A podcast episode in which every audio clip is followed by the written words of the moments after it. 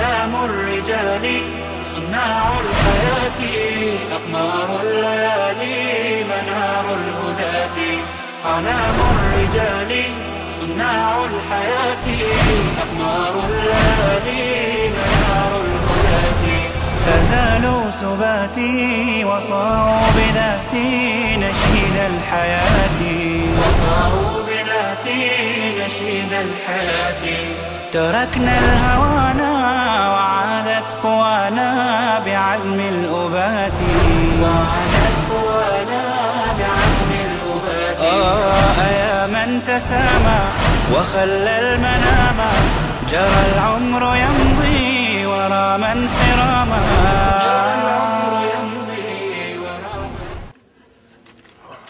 إن الحمد لله نحمده ونستعينه ونستغفره ونعوذ بالله من شرور أنفسنا ومن سيئات أعمالنا. من يهد الله فلا مضل له ومن يضلل فلا هادي له. أشهد أن لا إله إلا الله وأشهد أن محمدا عبده ورسوله.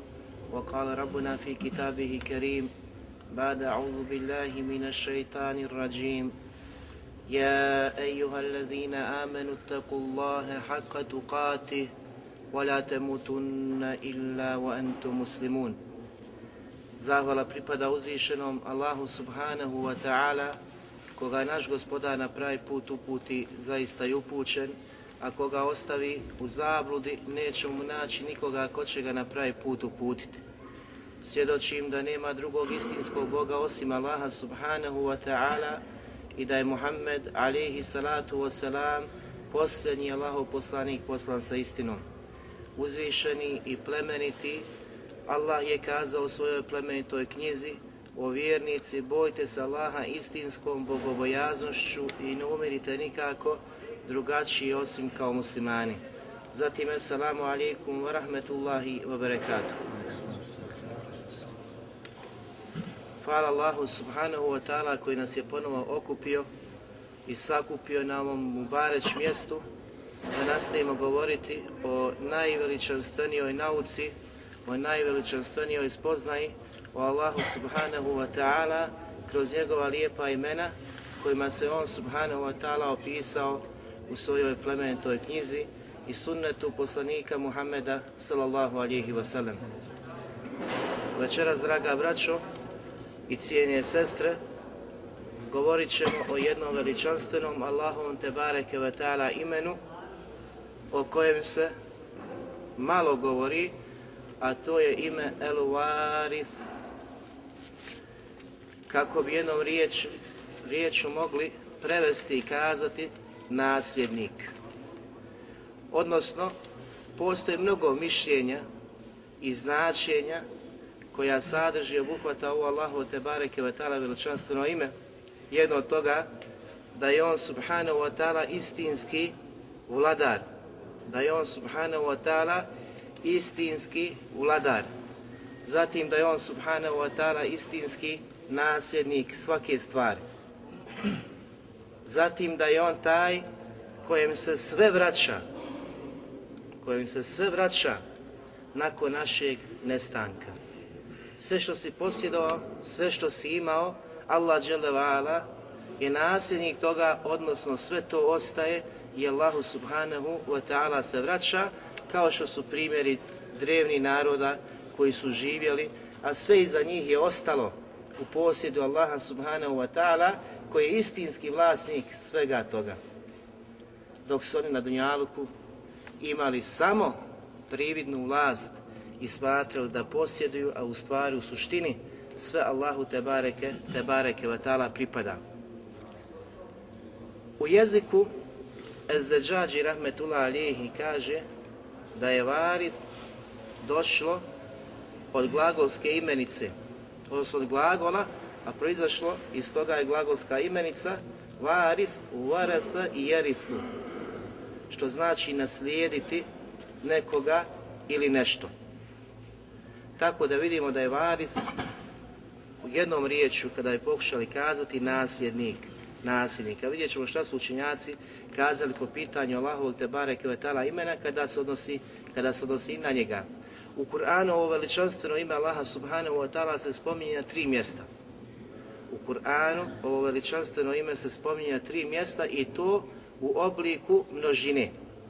I jednom je došlo, znači, u obliku glagola koje se vraća na opis Allaha subhanahu wa ta'ala da njemu pripada ime kojim se on subhanahu wa ta'ala opisao, a to je El Varith.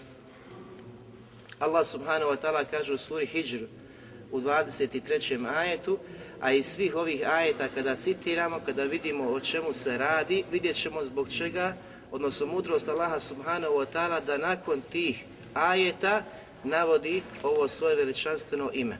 Tako ćemo na najbolji način shvatiti i razumjeti značenje Allahovog Tebare Kevetala imena El Varith. Allah subhanahu wa ta'ala kaže وَإِنَّا لَنَحْنُ نُحْيِي وَنُمِيتُ وَنَحْنُ الْوَارِثُونَ Mi smo ti koji usmrćujemo, mi smo ti koji život dajemo i koji ga uzimamo, koji oduzimamo život. Allah vala opisuje sebe u množini da je on taj ili se veliča na takav način da je on taj koji život i smrt daje, ali isto tako da je on taj koji je istinski nasljednik.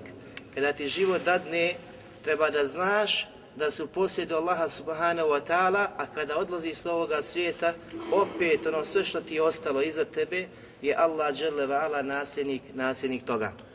Zatim Allah dželle u suri Al-Anbiya u 89. ajetu kaže i ovaj ajet je jako bitan njegov plod, spoznaje ovog imena ćemo navesti na kraju večerašnjeg predavanja. O Zakarija iz nada rabbe. I kada je Zakarija pozvao i dozvao svoga gospodara, Allaha subhanahu, subhanahu wa ta'ala. Iz ovoga vidimo, draga braćo, da su vjerovjesnici dozivali, prizivali i dozivali Allaha subhanahu wa ta'ala. Da su imali i nedaće, da su imali iskušenja, da su imali probleme, ali svi oni, iako su bili vjerovjesnici, svoje su dove usmjeravali, upućivali Allahu subhanahu wa ta'ala, a ne očekivali neku vrstu kerameta, neku vrstu čuda, kako bi im Allah te barek dao izlaz. Ne, oni su, oni su ponizno dozivali Allaha subhanahu wa ta'ala kako stoji u nastavku ovog kuranskog ajeta gdje Allah Đelešanu kaže Rabbi la tazarni fardan wa ente hayrul varithin Gospodaru, ne ostavi me samog, ne učini da budem sam, već mi podari nasljednika.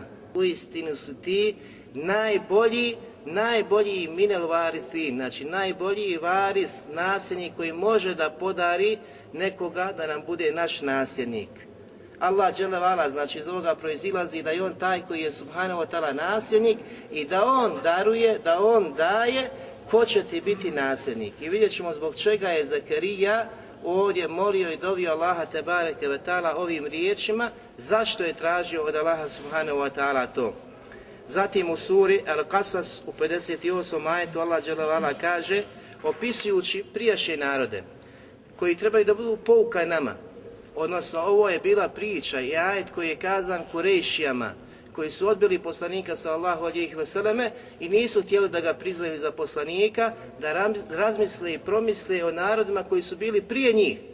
Šta ih je snašlo nakon toga što su, nakon toga što su odbili da povjeruju u poslanike koji su im bili poslani. Pa kaže Allah dželevala: "Wa kam ahlakna min qaryatin batirat ma'ishataha" koliko smo samo prije njih naroda, sela, gradova uništili koji su bili se osilili u životu svome koji su, koji su živjeli. Pa zatim kaže Allah dželevala, pa tilke mesakinu.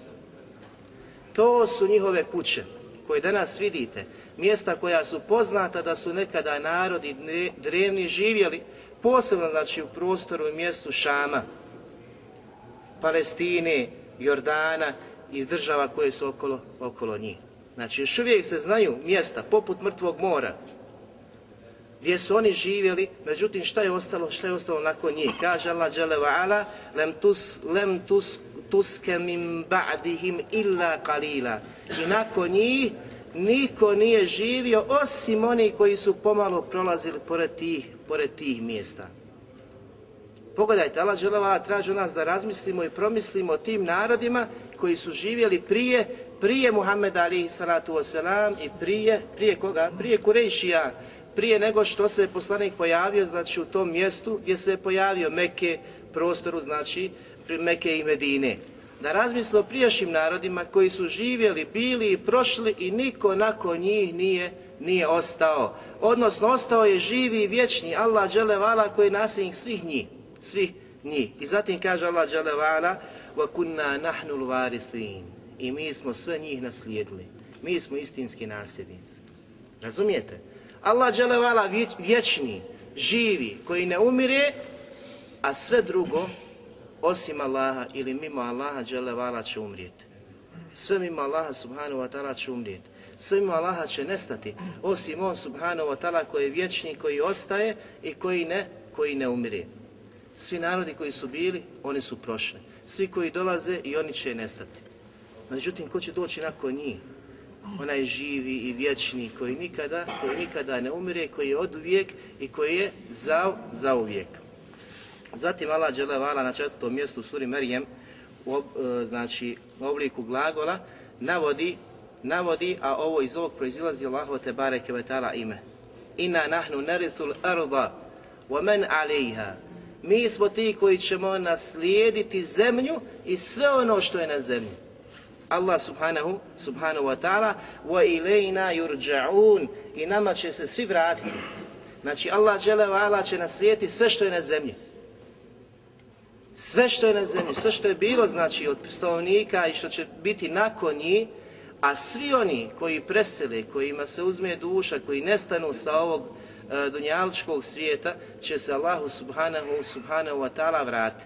Znači, bila bi radosna vijest nevjernicima i munaficima, da nakon smrti nema života, da nakon smrti nema povratka, ali će to biti najteža vijest koju će oni doživjeti i vidjeti da je istina, kada uvide da nakon kabura, ispuštanja u kabur, postoji vječnost. Jer će im se prozori u kaburu otvoriti, pa će vidjeti strahote koje očekuju svakog nevjernika i svakog munafika, pa će biti zadovoljni sa kažnjavanjem u kaburu od kakve siline, znači jednog udarca, jednom rukom, jednim manjom, brdo se zdrobi, pa će oni sa tim biti zadovoljni, a ne sa onim što ih očekuje kada pogledaju u daljini vatru džehennemsku koja ih očekuje nakon nastupanja sudnjega dana. Pa će moliti Allahu te bareke ve ta'ala ili Allaha subhanahu wa ta'ala da odgodi sudnji dan. Dok stanje vjernika koji je svjestan bio i ajeta, i dokaza, i Kur'ana, i hadisa poslanika alaihi salatu wasalam, dova u kaburu kada vidi blagostanje, kada vidi blagodati koje Allah vala će podariti iskrenom vjerniku, kada mu se ukaže džennet i dženevska ljepota, gospodaru ubrzaj, ubrzaj sudnji dan. Iako će vidjeti ljude koji će mu doći u najljepšem liku, u najljepšoj odjeći, to su njegova dobra djela, kako je došlo u poslaniku, poslanikom sallallahu alihi wasallam hadisu, ali kad vidi one ljepote, i onaj sjaj, onaj miris i sve što očekuje vjernike, molit će Allaha te bareke vetala da ubrza, da ubrza nastupanje sudnjega dana. Značaj kada se odnosi na Allaha subhanahu, subhanahu wa ta'ala. Ibn Đarir rahmetullah alih za ajet wa nahnu, varithun da smo mi istinski nasljednici, kaže, mi ćemo naslijediti zemlju i sve ono što je na zemlji. Kada? Nakon smrti svih vas, nakon sve što vas, nakon što usmrtimo sve vas, mi smo istinski nasljednici. Mi ćemo to istinski naslijediti, razumijete? Znači sve na je prolazno. Allah dželevala je vječnik koji ostaje i on nasljeđuje sve ono, sve ono nakon prolaznosti. A u stvari kada smo govorili o imenu Malik, Malik, Malik, Melik, tri Allahova te bareke ve imena, govorili smo da je on istinski vlasnik i posljednik svih stvari. Da vlast pripada isključivo Allahu subhanahu subhanahu wa ta'ala. Sve što imamo mi, sve što imaju drugi, sve što su imali prije nas i koji će doći nakon nas, sve to u univerzalnoj vlasti Allaha te bareke, te bareke wa ta'ala. Ibn Kesir za isti ajet kaže uzvišeni Allah obavještava da će on zemlju i ono što je na njoj naslijediti. Da će on zemlju i ono što je na njoj naslijediti i da će se oni u istinu njemu subhanahu wa ta'ala vratiti. I ovo treba da bude jekin. Zato kada su upitali Hasan al-Basrija za ajet kada čovjeka pogodi, pogodi nedača, pa kaže inna lillahi wa inna ilaihi rađiun. On je upitao čovjeka da li si ti svjestan šta si izgovorio tom, tom rečenicom. Da li si svjestan šta tvrdiš sa tom rečenicom. Svi možemo kazati mi smo Allahovi, njemu se vraćamo.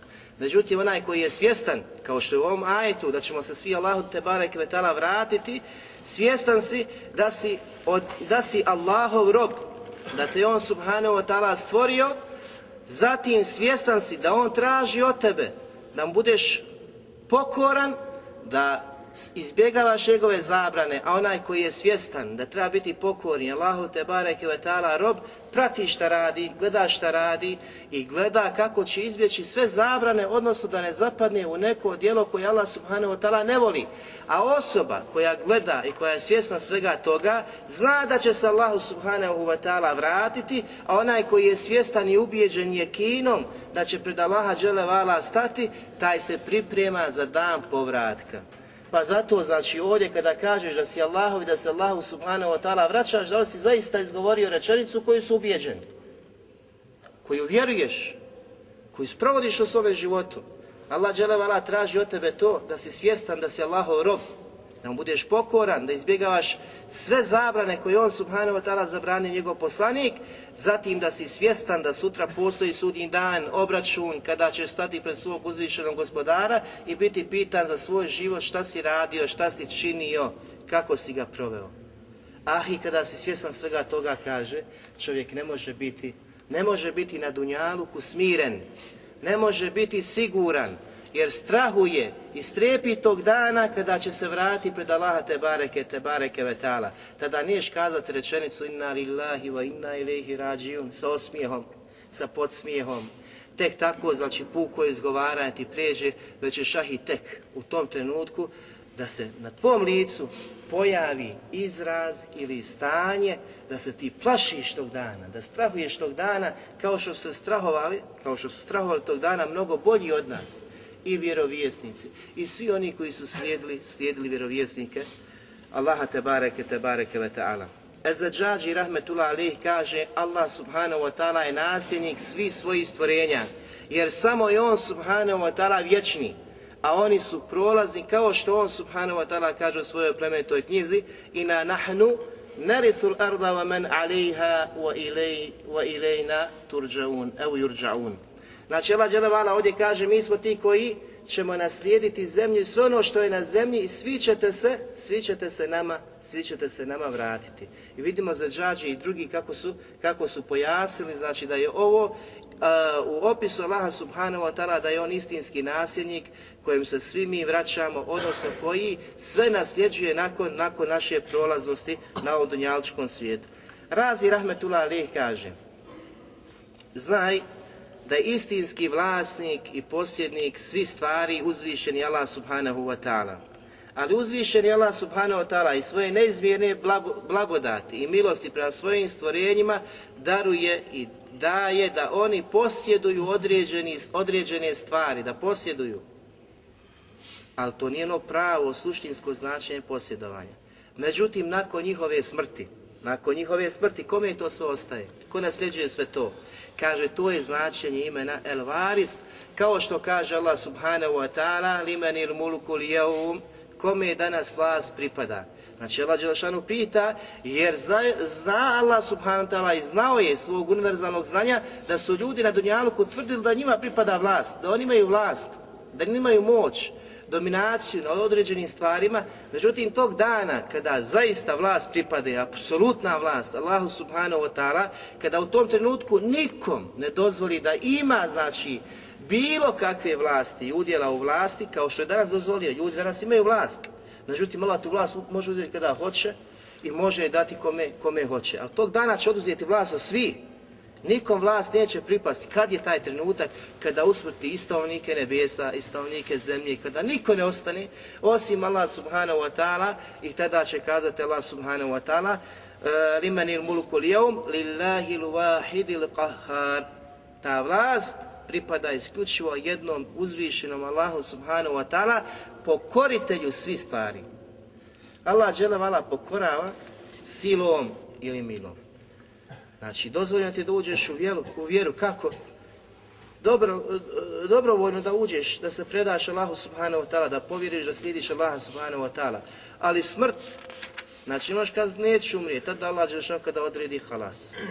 Razumijete? Na sudjem danu niko neće moći odgovoriti, niti će postojati neko ko će odgovoriti na ovo pitanje. Kome danas vas pripada, nego će Allah subhanahu wa ta'ala sam, sam da odgovori na svoje postavljeno, svoje postavljeno pitanje. Šta su plodovi spoznaje ovog veličanstvenog Allahovog te bareke vetala imena? Svaki pojedinac, draga braćo, svaka osoba treba da zna da je Allah dželevala istinski nasljednik svih stvari, svega stvorenog, odnosno da je On subhanahu wa ta'ala i stvoritelj, stvoritelj svega stvorenog. Vi danas imate nešto od imetka, sutra ćete preseliti, neko će naslijediti to. Razumijete? Danas e, ste vi u jednu ruku vlasnici toga. Međutim, čim preselite halas, taj metak prelazi, prelazi u ruke vaših nasljednika. Međutim, Allah subhanahu wa ta'ala je taj koji posjeduje sve i prije, znači i prije i nakon naše, nakon naše smrti. Odnosno sve što mi imamo, sve što posjedujemo to je od Allaha subhanahu, subhanahu wa ta'ala. Ali Allah Đelešanu ukazuje da je On prvi, da je On posljedi, da je On stvoritelj, da On daje, da On uzima, da On uskraćuje kome hoće, kome hoće on subhanahu wa ta'ala daje, ali isto tako da je on nasljednik svega toga nakon, nakon naše prolaznosti, naše prolaznosti i svih drugih ljudi. Kada je priča naše prolaznosti koji su se okupili ovdje, čovjek mogu malo da se zamisli. Međutim, zamislite čovječanstvo, svi oni ostavljaju, svi će oni otići i niko nije će ostati. Kao što kaže poslanik, znajte da nakon stotinu godina niko od vas neće biti živ kada se obratio ashabima poslanika sallallahu alihi wasallam. Doće neka druga generacija, doće neki novi ljudi. Vi ćete svi nestati sa lica zemlje. Ali oni koji će doći, opet je lađeš on njihov stvoritelju. I njima će dati, i njima će uzeti, i od njih će na kraju uzeti. I sve se ponovo, sve se ponovo vraća, vraća Allahu subhanahu, subhanahu wa ta'ala. Zatim Allah subhanahu wa ta'ala ostaje nakon uništenja i prolaznosti stvorenja. On subhanahu wa ta'ala, kako smo kazali, znači iz e, značenja imena El Varis, da on ostaje nakon uništenja, nakon prolaznosti svih stvorenja i da sva ta stvorenja koja nestanu sa lica zemlje će se vratiti Allahu subhanahu, subhanahu wa ta'ala. Kao što je znači slučaj sa ajetom kojeg, kojeg smo citirali na početku, u kojem je potvrda Allahu subhanahu wa ta'ala imena, kada Allah subhanahu wa ta'ala traži od Kurejšija da promisli o narodima koji su bili prije njih. Šta ih je snašlo? Da li je ostalo nešto iza njih? Tako i vi Kurejšije, ako ne prihvatite, neće biti spomena. Ko danas se Buleheba spominje? Koga spominje? Znači, i po čemu se spominje? Po čemu se spominje? Međutim, kada kažemo po čemu se spominje poslanik alaih salatu wasalam, koliko mu nara, koliko mu ezina, koliko znači oni koji uče i kamet, spominju, koliko oni na tešehudu, koliko u namazu, koliko mimo namaza, koliko se dobrovoljno salavata donosi na poslanika sallallahu alihi wasalame. Zatim koliko sa sahabi poslanika sallallahu alihi wasallam spominju kao najbolja, najbolja generacija, kuntum hajra ummetin uhriđat nas, najbolja generacija koja se ikad pojavila, svi spominju, svi ispravni, dobri vjernici, vole ashabe poslanika sallallahu alihi wasallam, njih spominju, njih veličaju, njih poštuju, njih cijene. Pogledajte Kurejšije, mušrike, koji su umrli na kufru, a koji su bili glavešine u tom trenutku. Bilal, Habeši, koji je bio rob, primio din, primio islam, Allah dželavala ga uzdigo, počastio, pa danas koliko se o njemu priča. Razumijete? A oni koji su odbili istinu, njih, znači spominjemo samo po citatima, kada citiramo nešto gdje je poslanik sallallahu alihi wasallam prokleo takve, ili u opisu negativnom kako su psovali i vrijeđali poslanika sallallahu alihi wasallam, ne želeći da prihvate din, odnosno ostali su na svojoj vjeri svojih očijeva, predaka, koja je bila neispravna i neprihvatljiva kod Allaha subhanahu, subhanahu wa ta'ala i znajući njihovo kako, stanje kako su okončali, znaš njihovu završnicu gdje će biti nakon znači, proživljenja ljudi. A to je džehennem Da nas Allah subhanahu wa ta'ala sačuva, sačuva toga. Allah subhanahu wa ta'ala kaže وَكَمْ أَهْلَكْنَا مِنْ قَرْيَةٍ بَتِرَتْ مَعِيشَتَهَا I koliko smo mi prije vas naroda i sela i gradova uništili, koji su bili, znači se predali razvratu, dunjalčkom životu, životu u kojem nema spomena, spomena i nema veličanja Allaha subhanahu, subhanahu wa ta'ala.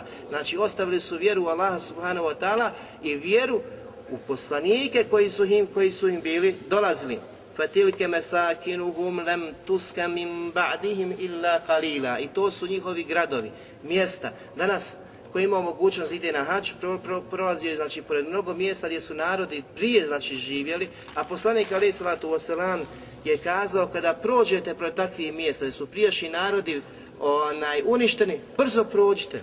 Nemojte se za, da se zaustavljate, da gledate, da uzimate neki ibret u smislu, a subhan, prođi, znači tu se azab Allaho te bareke ve i kazna spustila. Nema šta tražiš tu, nego prođi plaćući kako su okončali. Međutim, Allah Đelešanu kaže vekuna nahnu varitini. Mi smo sve njih naslijedili. Svi su prošli, ali ostao Allah subhanahu wa ta'ala živi vječni koji ne umire, što znači da je svrha uh, boravka tvog na Dunjaluku, da spoznaš veličanstvenog Allaha subhanahu wa ta'ala živog i vječnog i da ga obožavaš, da ga poštuješ, da ga cijeniš i da voliš sve one koje Allah Đelešanuhu voli i sa kojima je zadovoljan, odnosno da voliš sve ono što Allah subhanahu, subhanahu wa ta'ala voli. Zatim Allah Đelešanuhu u suri Marijem kaže Inna nahnu narithul arda wa man alejha i mi ćemo sigurno naslijediti zemlju i sve što je na zemlji i sve što je na zemlji. Opet čovjek razmišlja koliko je naroda prije nas prošlo. Koliko? Koliko je generacija prošlo? Svi su okončali, svi su završili.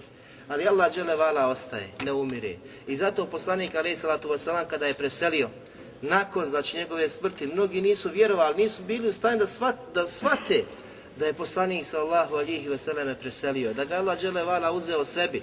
Pa znate šta se sve dešavalo u mešidu poslanika sallahu alihi veseleme, sve dok nije istaknuta ličnost umeta poslanika, najodabraniji nakon Ebu Bekra, Omer ustao i rekao, tako mi Allah ako bude tvrdio da je Muhammed alihi salatu wasalam umro ili preselio, osjeću mu glavu, jer to nije istina. Allah dželevala ga je uzeo sebi samo nakratko, pa će ga ponovo vratiti kao Isa alihi salatu wasalam. Pogledajte koje su to riječi Omera. U trenucima, znači, e, velike boli i tuge za nestankom i rastankom sa voljenom osobom poslanikom sallallahu alihi wasalam. Danas kada bi neko rekao da poslanik nije mrtav, Šta bi značilo to? Da ne priznaje din sa kojim je došao poslanik sallahu alihi vseleme, za kojeg Allah šan kaže i ti si mrtav i oni su mrtvi. I ti ćeš umrijeti i svi će oni umrijeti. Svi ćete nestati. Niko neće vječnim životom živjeti. Samo je Allah dželevala vječan. Razumijete? Najdobranija, kada bi neko bio vječan ili vječnim životom živio od stvorenja kome bi Allah dželevala podario, podario i poslaniku Muhammedu alaihi salatu wasalam zbog posebnog mjesta kod Allaha subhanahu wa ta'ala. Ali ta najdobranija duša, najodabranija i sa najvećim deređama kod Allaha subhanahu wa ta'ala je smrt okusila. I svi će je okusiti, i svi će je nestati. Pa znači tek nakon onih koji Allah voli i cijeni, kojima daje, sa kojima je zadovoljan, koji će nastaviti u ženskim prostranstvima, Njima uzima dušu, njima uzima dušu, pa što onda da očekuju nevjernici, oholnici, silnici, munafici koji se bore svakodnevno protiv Allaha subhanahu wa ta'ala, ali svi neka znaju da Allah dželevala je galib, da je on pobjednik i da niko ne može se suprostaviti Allahu subhanahu wa ta'ala, el azizul džabaru, moćnom, snažnom, uzvišenom Allahu subhanahu, subhanahu wa ta'ala. Zatim sljedeći plod, draga braćo, jeste da znamo i čvrsto vjerujemo da Allah vala istinski nasljednik, ali isto tako da On subhanahu wa ta'ala daje da naslijedi zemlju onaj ko ga On subhanahu wa ta'ala odabere i koga On hoće da od stvorenja da je naslijedi. Danas znači ljudi se takmiče nastoje da zarade, da zasluže, da zauzmu prostore i zemlje i države i da upravljaju tim sistemima. Razumijete? Međutim, Allah vala daje kome hoće. Daje kome hoće i oduzima, oduzima tu istu vlast od koga on subhanahu, subhanahu wa ta'ala hoće. Pa kaže, وَلَكَدْ كَتَبْنَا فِي الزَّبُورِ مِنْ بَعْدِ ذِكْرِ enel arda jerithuha ibadija salihun. Mi smo propisali u Zeburu prije, Zebur kažu učenjaci ovdje da je knjiga koja je objavljena kojem poslaniku? Davudu ali salatu wasalam, ali ima općenito značenje, mi, mi smo propisali još davno u knjigama prijašnjim koje su bile objavljene, da Zebur obuhvata knjige prijašnje, a isto tako i knjigu od Davuda ali salatu wasalam, i ne samo to, min badi zikr, nakon nakon zikra. A šta je zikr ovdje? Kažu učenjaci da je to umul kitab, da je to glavna knjiga gdje Allah vala objavio, propisao sve. Znači kader, sav koji se odvija, koji se dešava je zapisan u toj e, glavnoj knjizi kod Allaha subhanahu subhanahu wa ta'ala. A šta je zapisano? Da će zemlju naslijediti odabrani moji robovi što znači da je u glavnoj knjigi zapisano sve ono što će se dešavati, odnosno sve što će prenositi knjige nakon, nakon znači, slanja poslanika kojima će biti davane određene knjige. Pa kao znači Tevrat, Inđil, Zebur, također znači i Kur'an. A sve ovo što je spomenuto u svim navedenim knjigama, koje su sve te knjige od strane Allah Đelevala, je zapisano u toj glavnoj knjizi. Da će zemlju naslijediti Allahovi istinski, odabrani, odabrani robovi. Zatim Allah Đelešanu kaže u suri Al-Araf u 137. ajetu وَأَوْرَثْنَا الْقَوْمَ الَّذِينَ كَانُوا يُسْتَدْعَفُونَ مَشَارِكَ الْأَرْضِ وَمَغَارِبَهَا الَّتِي بَارَكْنَا فِيهَا i mi smo dali da zemlju naslijede ko? Narod, narod koji je bio potlačen, ponižen. Razumijete? Allah Đelešanu o kome govori? O narodu Musa wasalam, koji je bio potlačen, međutim Allah dželevala je uzvisio i uzdigao i, i Musa i njegove sedbenike, pa su naslijedili zemlju istoka i zapada, koju je Allah dželevala blagoslovio. Oni su je naslijedili nakon što su bili potlačeni. Nakon što su bili potlačeni. Ali kad mi je dao vlast? Kad su vratili, kad su uhvatili Musa wasalam, da ga slijede. Da ga slijede. Allah Đelešanu im je podario vlast. Zatim kaže Allah Đelešanu suri također Eh, Al-Arab 128 ajetu Kale Musa li qavmi sta'inu billahi wasbiru Pogledajte. Reče Musa alaih salatu wasalam svom narodu Ista'inu billah Čvrsto se Allah dželevala držite i saburajte na tom putu. Prihvate znači smjernice koje vam dolaze od Allaha subhanahu wa ta'ala i saburajte na tome. Kad se prihvatiš toga, znaj da će doći musibe, znaj da će doći teškoća, a moraš biti, moraš biti strpljiv na tom putu. Zatim kaže nakon toga, innal arda lillahi yurithuha man yasha'u min ibadihi. I sva zemlja pripada Allahu dželle vala i on će dati da je naslijedi ko koga on odabere i kome hoće da da od svojih, od svojih robova. Znači, slijedi poslanika ali islatu wasalam, budi pokoran Allahu subhanahu wa ta'ala i saburaj na tom putu i znaj da je zemlja u Allahovom posjedu, da je on, znači, istinski vlasnik kompletni zemlje i da je on daje, znači, u nasljeđe kome on subhanahu wa ta'ala hoće od svojih, od svojih robova. Wal aqibatu lil muttaqin. A zaista su završnice koje pripadaju, pripadaju mutekijama, bogobojaznim. Što znači možda nećeš doživjeti da budeš taj koji će upraviti zemljom. Ali ćeš saburati smrte pretekne, zadesi, prije nego što ugledaš to blagostanje hilafeta, da kažemo danas. Razumijete? Međutim, krenuo si tim putem, saburaš do tog cilja, hoće li te taj cilj da se ostvari, neće, molimo Allah da nas sve snađe to blagostanje hilafeta, međutim, ti ustaješ na tom putu i kako god da okončaš da znaš da je završica koja pripada lijep završetak bogobojaznim. A za mutekije je posebno kod Allaha subhanahu wa ta'ala pripremljena nagrada.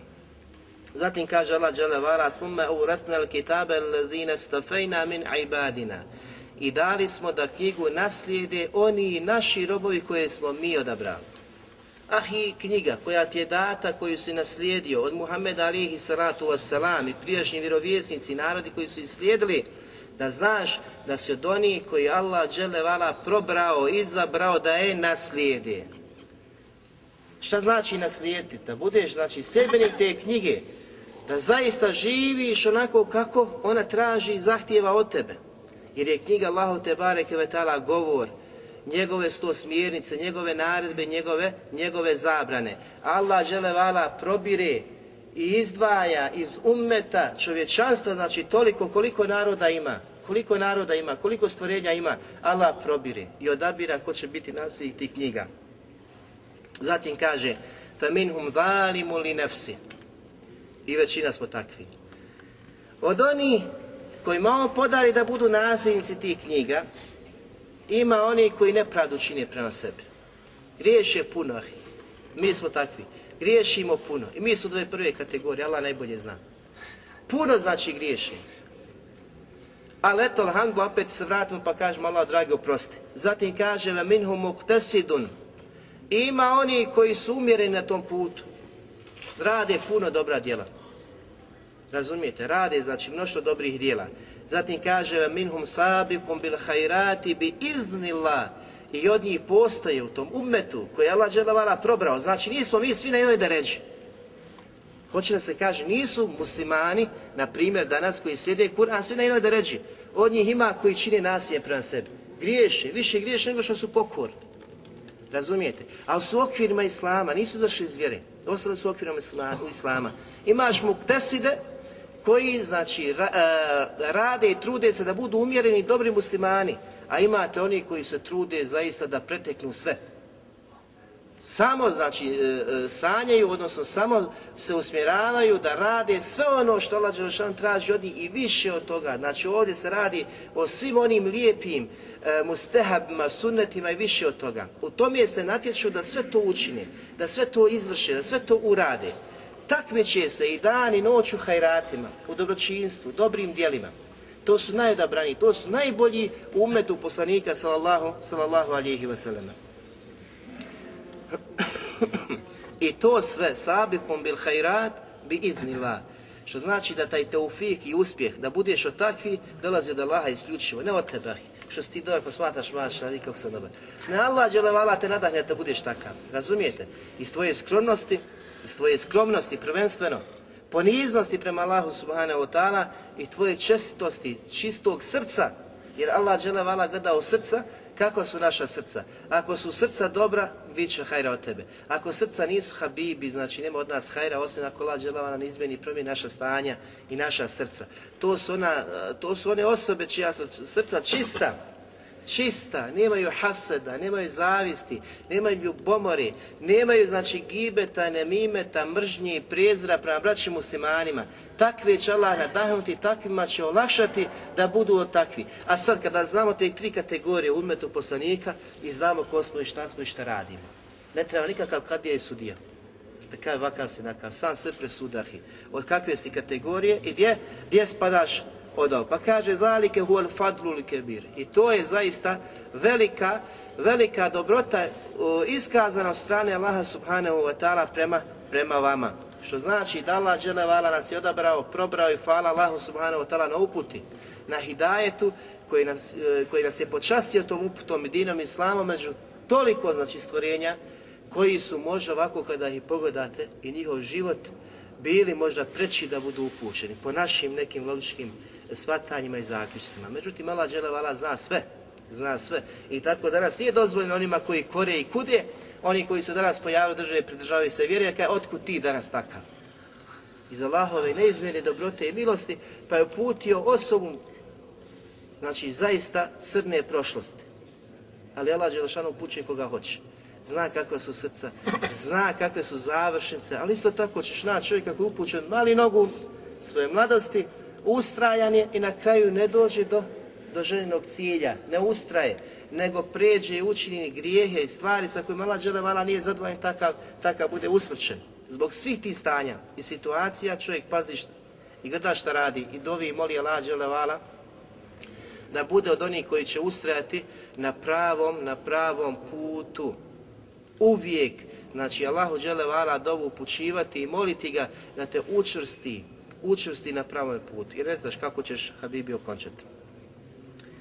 Zatim učenjaci kažu vjernik kada spozna ovo Allahu subhanahu wa ta'ala ime El Waris i njegovo značenje da se njemu sve vraća, da je on istinski nasljednik, da je on istinski vlasnik, da njemu subhanahu wa ta'ala sva moć i vlast pripada, treba da se prisjeća jednog kuranskog ajeta, koliko je mogućnosti, koliko je u stanju da, da znači ga prouči dnevno, dnevno, znači u toku dana sedmice i da razmisli i promisli o njemu posebno, znači kako Allah dželevala ukazuje na posebnu kategoriju ljudi, kako će okončati, šta će zaslužiti i šta je to što ih je krasilo dok su bili, dok su bili na, na Dunjalku. Allah subhanahu wa ta'ala kaže وَسِيقَ الَّذِينَ تَقَوْ رَبَّهُمْ إِلَى الْجَنَّةِ زُمَرًا I tada će u tim trenucima ljudi u skupinama biti tjerani u dženevska prostranstva, u skupinama, bukvalno, znači bit će tjerani u skupinama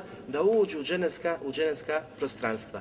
Ko su ti? Kažu oni koji su bili bogobojazni. Skupina bogobojazni će biti tako, znači u grupi, tjerana da uđe u dženevska, u dženevska prostranstva. Pa kaže Allah subhanahu wa ta'ala Hatta iza ja'uha wa futihat abuabuha wa qala lahum khazanatuha salamun alaikum i sve dok im se vrata dženeta ne otvore. Onda im se njeni čuvari ukažu, dženevski, i poviću, odnosno selam izgovori, selam aliku.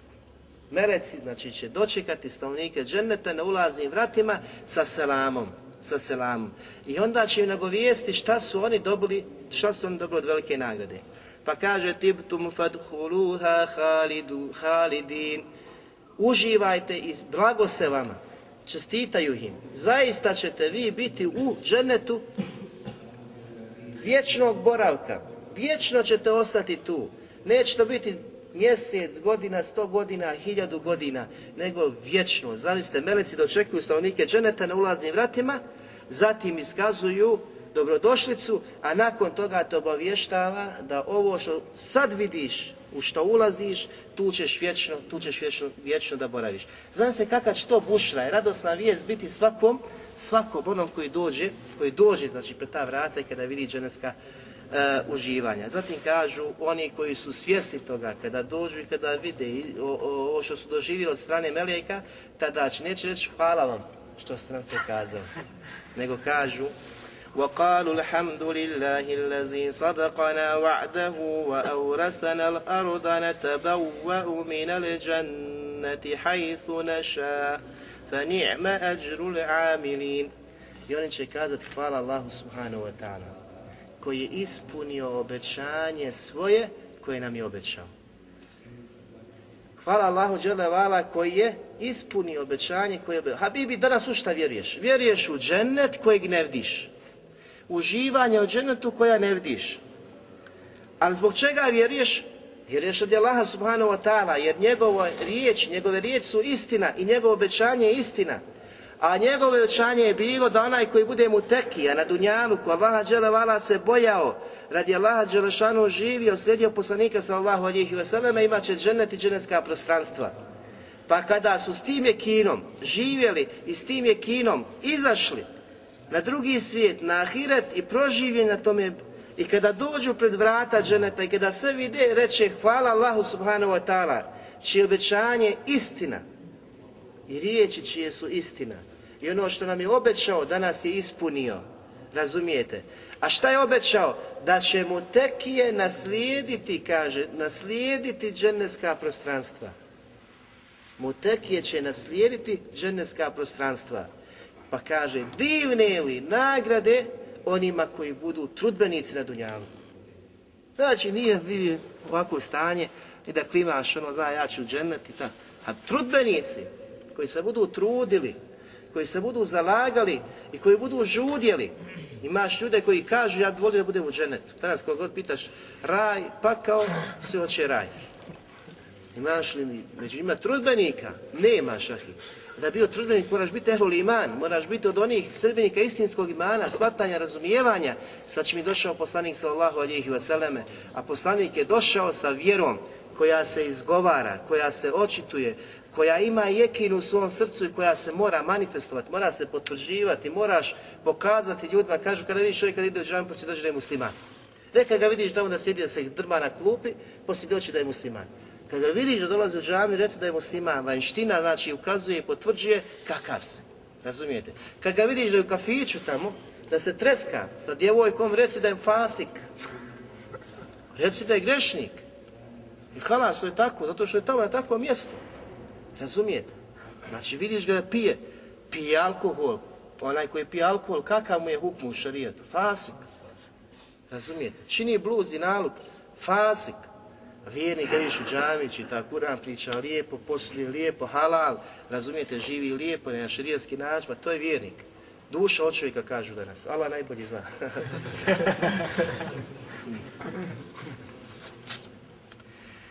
Zatim, draga braćo, u Kur'anu je došlo da će vjernici naslijediti džennet.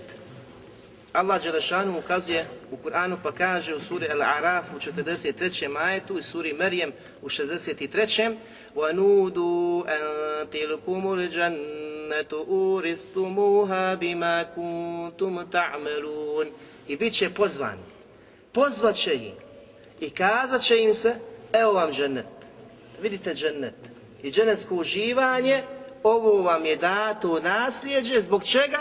Zbog onoga što ste radili, zbog onoga što ste radili. Drugi kuranski ajet, tilika li džennetu leti nurisu min ibadina man kane taqija.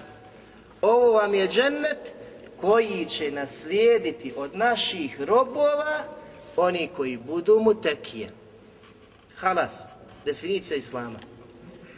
Ovo vam je džennet koji će naslijediti oni koji budu od naših robova mu tekije, bogobojazni. Šta je tu? Šta je takva? Šta je bogobojaznost? Ja se bojim Allaha ispravno i u srcu. Halas. Danas, koliko hajvana srca ima i ne griješi, svi bili dženetli, ali da li će životinje u dženet ući? Znači, da li će životinje ući u dženet? U dženet će ući insani kojima Allah dželevala dao razum, razumom su odlučili na svoju volju šta je istina, šta je neistina. Zatim su se odazvali istini, slijedili istinu, zagovarali istinu, borili se za istinu, uzdizali istinu, uzdizali istinu, radi istine volili i radi istine mrzili. To su samo muslimani, to su samo tekije, koji su na Dunjaluku uzeli svoja dobra djela i iman kao štit od vječne vatre. Pa su se zaštitili na Dunjaluku prije nego što su gledali vatru i džennet. Razumijete? I zato će takvim Allah Đelešanu ukazati da će biti pozvani i bit će im rečeno evo vam džennet koji je obećan u nasljeđe onima koji budu mutekije, koji budu bogobojazni, koji budu radili, koji se budu trudili. I to je sebe ulaska u džennet ahi. Djelo ti je sebeb, a zamisli kada je djelo sebe šta je sa onim koji nema sebeba da uđe u džennet. Isključivo svi ulaze kako došlo u Buhari i Muslimu, u hadisu poslanika sallallahu alihi wasallam, u džennet ulaziš isključivo iz Allahove milosti, o Allaho poslaniće, pa zar i ti ćeš ući isključivo sa Allahovom milošću, iz Allahove milošću, pa kaže samo, znači tako mogu ući ako me Allah obaspe svojom milošću. Samo tako. Ali taj spoj između ovih kuranskih ajeta i hadisa poslanika sallallahu alihi wasallam jedino ispravno shvatanje razumijevanje da je dijelo naše koje činimo sebe bulaska u džennet. Sebe. Ako nema sebeba, nema ni dženneta. Razumijete? A sebeb je također nešto što prouzrokuje da Allah dželevala se smiluje tebi.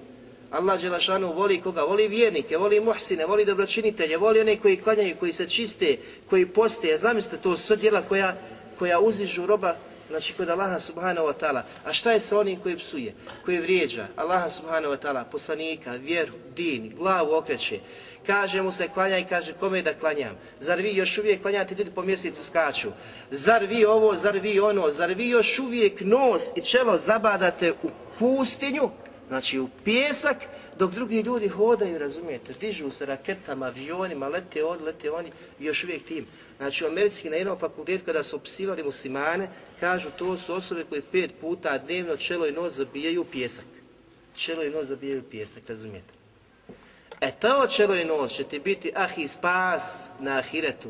A ti svo ono što si imao od raskoša i uživanja dunjalčkog, prividnog života, neka znaš ako ostaneš na toj zabli, na takvom kufru nevjerstvu, nikada, nikada se nećeš sačuvati džehennema, nikada, a džennet nikad nećeš ni vidjeti nikad ženet niješ ni vidjeti. I one ljepote koje su tamo, osim azab, osim kazni koja je žestoka prema onima koje Allah subhanahu wa ta'ala bude kažnjavao. Allah Đelešan kada bude kažnjavao stanovnike džehennema, neće biti milosti prema njima, jer Allah Đelešan kaže, to su ti koje Allah neće gledat, neće prema njima se obraćati, neće slušati njihov govor.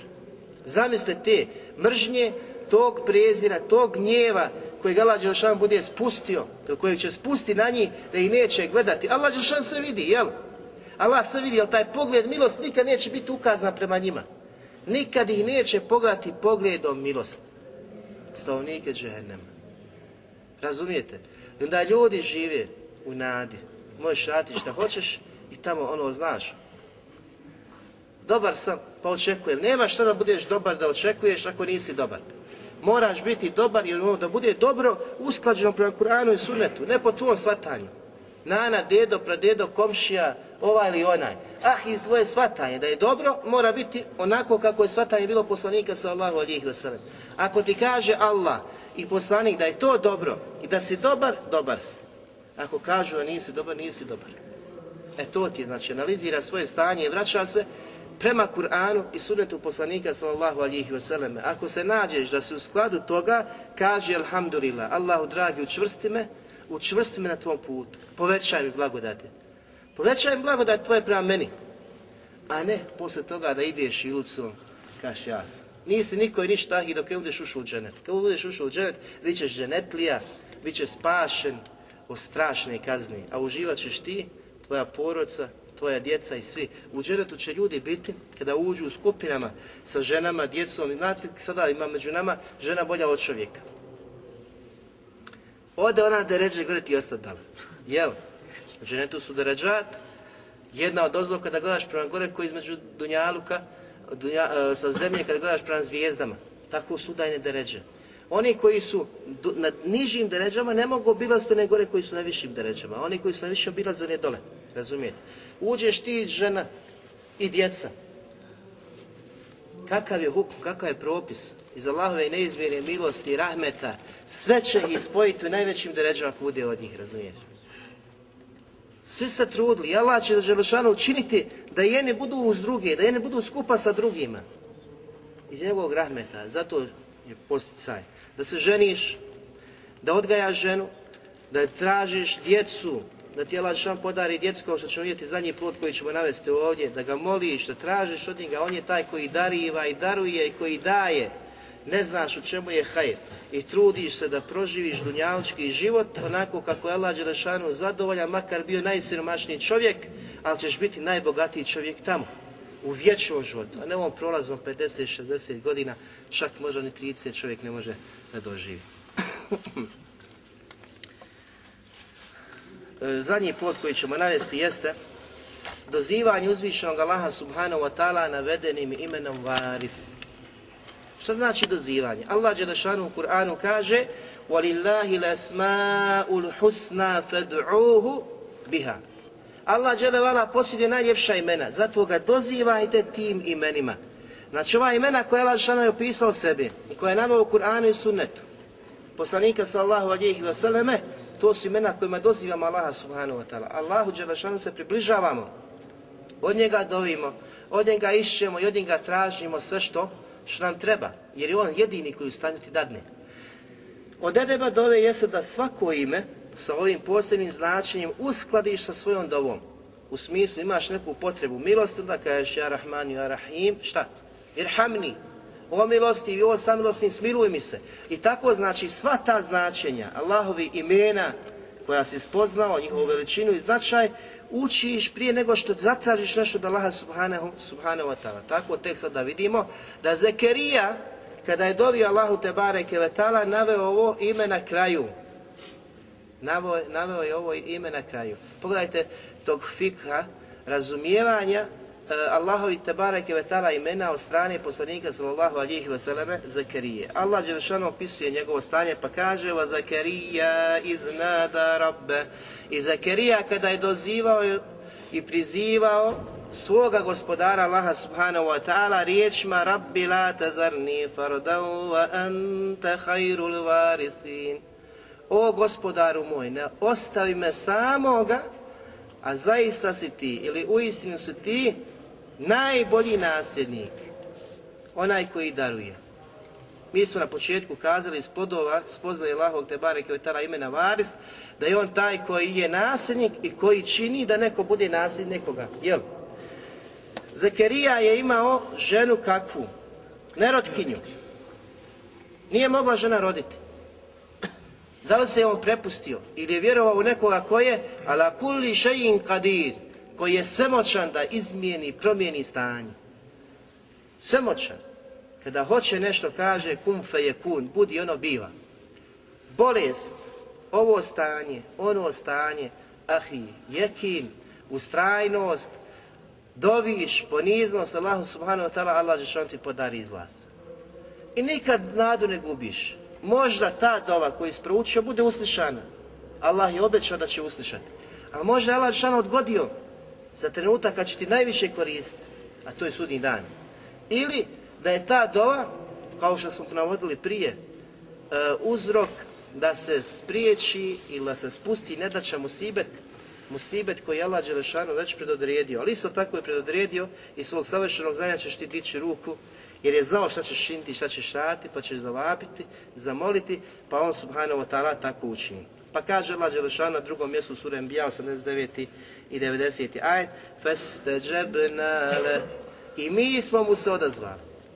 Zekerija što je molio i dovio Allahu te bareke ve taala, Allah dželle potvrđuje mi smo mu se odazvali. Wa wahabna lahu Yahya wa aslahna lahu zawja. I mi smo mu podarili sina Jahju. I stanje njegove žene popravili. Allahu ekber. Danas koliko ljudi ima, kaže, nema djeci. Jel, musibet, jes musibet, subhanallah strpiš se, iako nema rezultata, imat ćeš nagradu za svoj sabor. Nema, znači, nečega vrednije na dunjalku osim sabra. Sabor, znači, radi Allah i ume Allah subhanahu wa nešto veliko i krupno i ta nagrada će biti ti data na sudjem danu da ne znaš, znači, neočekivano nešto veliko, čemu će se najviše obradovati. Znači, sva staja su da Allah subhanahu wa ta'ala. Ali, Zekeriji, Allah dželevala se odazvao. Podario mu sina i stanje njegove žene, stanje njegove žene popravio. A ne znači ovdje da se kaže da mu je žena bila na delaletu, kufru, nevjesu, nifaku, pa je Allah Đelešanu učinio, učinio vjernicom. Innahum kanu yusari'una fil khairat. I Allah Đelešanu opisuje ko su oni bili. Zašto mu se Allah Đelešanu odazvao? Oni su bili ti koji se trudili i takmičili u činjenju dobrih dijela. Zamislite, pored svega toga, Znači ima musibet, ima nedaću, ali je bio ustrajan dobročinstvu i vapio, dozivo, bolio Allaha subhanahu wa ta'ala i nakon toga mu se Allah odazvao. Ne habibi da si u gafletu, ne maru, pa kaže ponekad Allah dragi, daj mi to, ne, nemam to, daj mi to. Razumijete? Uvijek moraš biti prvi, uvijek trebaš biti prvi da se trudiš, da si najbolji, ali u tom trenutku da doviš ono što ti je, što ti je potrebno, pa će ti Allah subhanahu wa ta'ala podariti. Pa kaže Allah subhanahu wa ta'ala وَيَدْعُونَنَا رَغَبًا وَرَهَبًا I oni su nas i u strahu i u nadi dozivali. Ah, I iz straha i iz nade. Kada dozivaš Allah, strah te i njegove kazne. Razumijete? S druge strane, nadaš se u njegov hajr, njegovo dobro koje je obećao, koje je obećao vjernicima. I završava وَكَانُوا لَنَا خَاشِعِينَ I oni su bili bogobojazni, iskreni, koji su istinski strahovali od Allaha subhanahu, subhanahu wa ta'ala. Takvi vas Allah Đelešanu odaziva. Popravi svoje stanje i imat ćeš više nego što očekuješ, imat ćeš više nego što želiš. Budi onako kako Allah Đelešan traži od tebe, učenjaci kažu Allah će ti podariti više nego, više nego što ti tražiš, više nego što se ti nadaš da imaš, Allah Đelešan će ti podariti više, više od toga. Na drugom mjestu u suri Merijem u petom i šestom ajetu Allah Đelešanu pojašava njegovu dovu pa kaže فَهَبْلِي مِنْ لَدُنْكَ وَلِيَّ i podari mi od sebe sina. Znači, on je tražio od Allaha subhanahu wa ta'ala da mu podari sina. Kakvog sina? Kada svi kad daju sina, Allah dragi, molim te, podari mi sina, podari mi sina. Pogledajte šta je eh, Zakarija dovio u svojoj dobi. Pa kaže, Jerisuni wa jerisu min ali Jakub, vaj'aluhu rabbi radija. Učini ga gospodaru moj da me naslijedi i da naslijedi porodcu Jakuba i učini ga gospodaru da si s njim zadovoljan, da si s njim zadovoljan. Ovo ne znači, niti ima značenje, učini ga da me naslijedi u mom imetku. Ono što će ostati nakon mene, zakrija, boji se, nema, ko će, uzet ću neko drugi imetak. Znate koliko danas ljudi staraca umire? Mnogo. Niti ima sina, niti ima čerku, niti ima unuka, niti ima unuku. Nema nikoga. Nikoga nema. Ali Zakarija traži od Allaha subhanahu wa ta'ala nasljednika. A gore završava šta u kuranskom ajetu وَنْتَ خَيْرُ الْوَارِثِينَ A ti si taj koji je najbolji nasljednik, razumijete? Ti ga daruješ, od tebe on dolazi. Taj pravi istinski nasljednik. Učenjaci kažu da je ovo imalo značenje, da ima značenje da je tražio da Allaha subhanahu wa ta'ala sina da mu podari koji će naslijediti misiju, poslaničku misiju, koji će biti poslanik poput njega, koji će naslijediti znanje koje on ima i koji će se baviti davom, pozivanje ka Allahu subhanahu wa ta'ala, da izvodiš ljude iz robovanja ljudi i robovanje gospodaru ljudi iz tmina na svjetlo. Pogledajte dove Zekerije. I kažu danas pojedinci, mi dovimo dovom, kaže Zekerije. Znači, stanje, žena nerotkinja, pa dovi i on, znači, da mu Allah podari, jer vjeruje da je Allah što stanja. Međutim, pogledajte kakav je cilj imao Zekerija. Veličanstven cilj, veliki cilj. Znate koja je nagrada? Jahja, kad je došao sa poslanicom i Allah Đelšanu on gore ajetu feste džebnale i mi smo mu se odazvali. I mi smo podali sina. Odazvali se dovi, izmijenili stanje, popravili stanje u smislu, znači izliječili mu ženu, pa je zanijela, pa je rodila, pa mu sina dali onako kakvog je tražio, pa ga zatim učinili poslanikom, pa onim koji je nosio poslanicu i koji je pozivao kao poslanice. Sve mu je ispunio Allah wa ta'ala, što je dovio. Iz ovakvih primjera mi znači, dobivamo e, ili stičemo utisak, draga braćo, znači da je Allah dželevala svemoćan, da ne trebamo gubiti nadu, nego se moramo znači, osloniti na Allaha subhanahu wa ta'ala koji je živi i vječni, koji može izmijeniti stanja, ona koja su već gotovo kod nas definitivno nešto što je nemoguće, Allah subhanahu wa ta'ala može ga učiniti mogućim. Može ga učiniti mogućim. I sa ovim primjerom ćemo završiti. Molim Allaha subhanahu wa ta'ala da oprosti nama i vama, da zbliži naša, naša srca, da nas učusti na njegovoj vjeri, da uvede nas i naše roditelje u džennet, da oprosti nama, našim roditeljima i svim umrlim muslimanima, da pomogne svim muslimanima u svijetu. Subhanak Allahum hamdika, šadana ilaha ilaha, stavaka, tubu,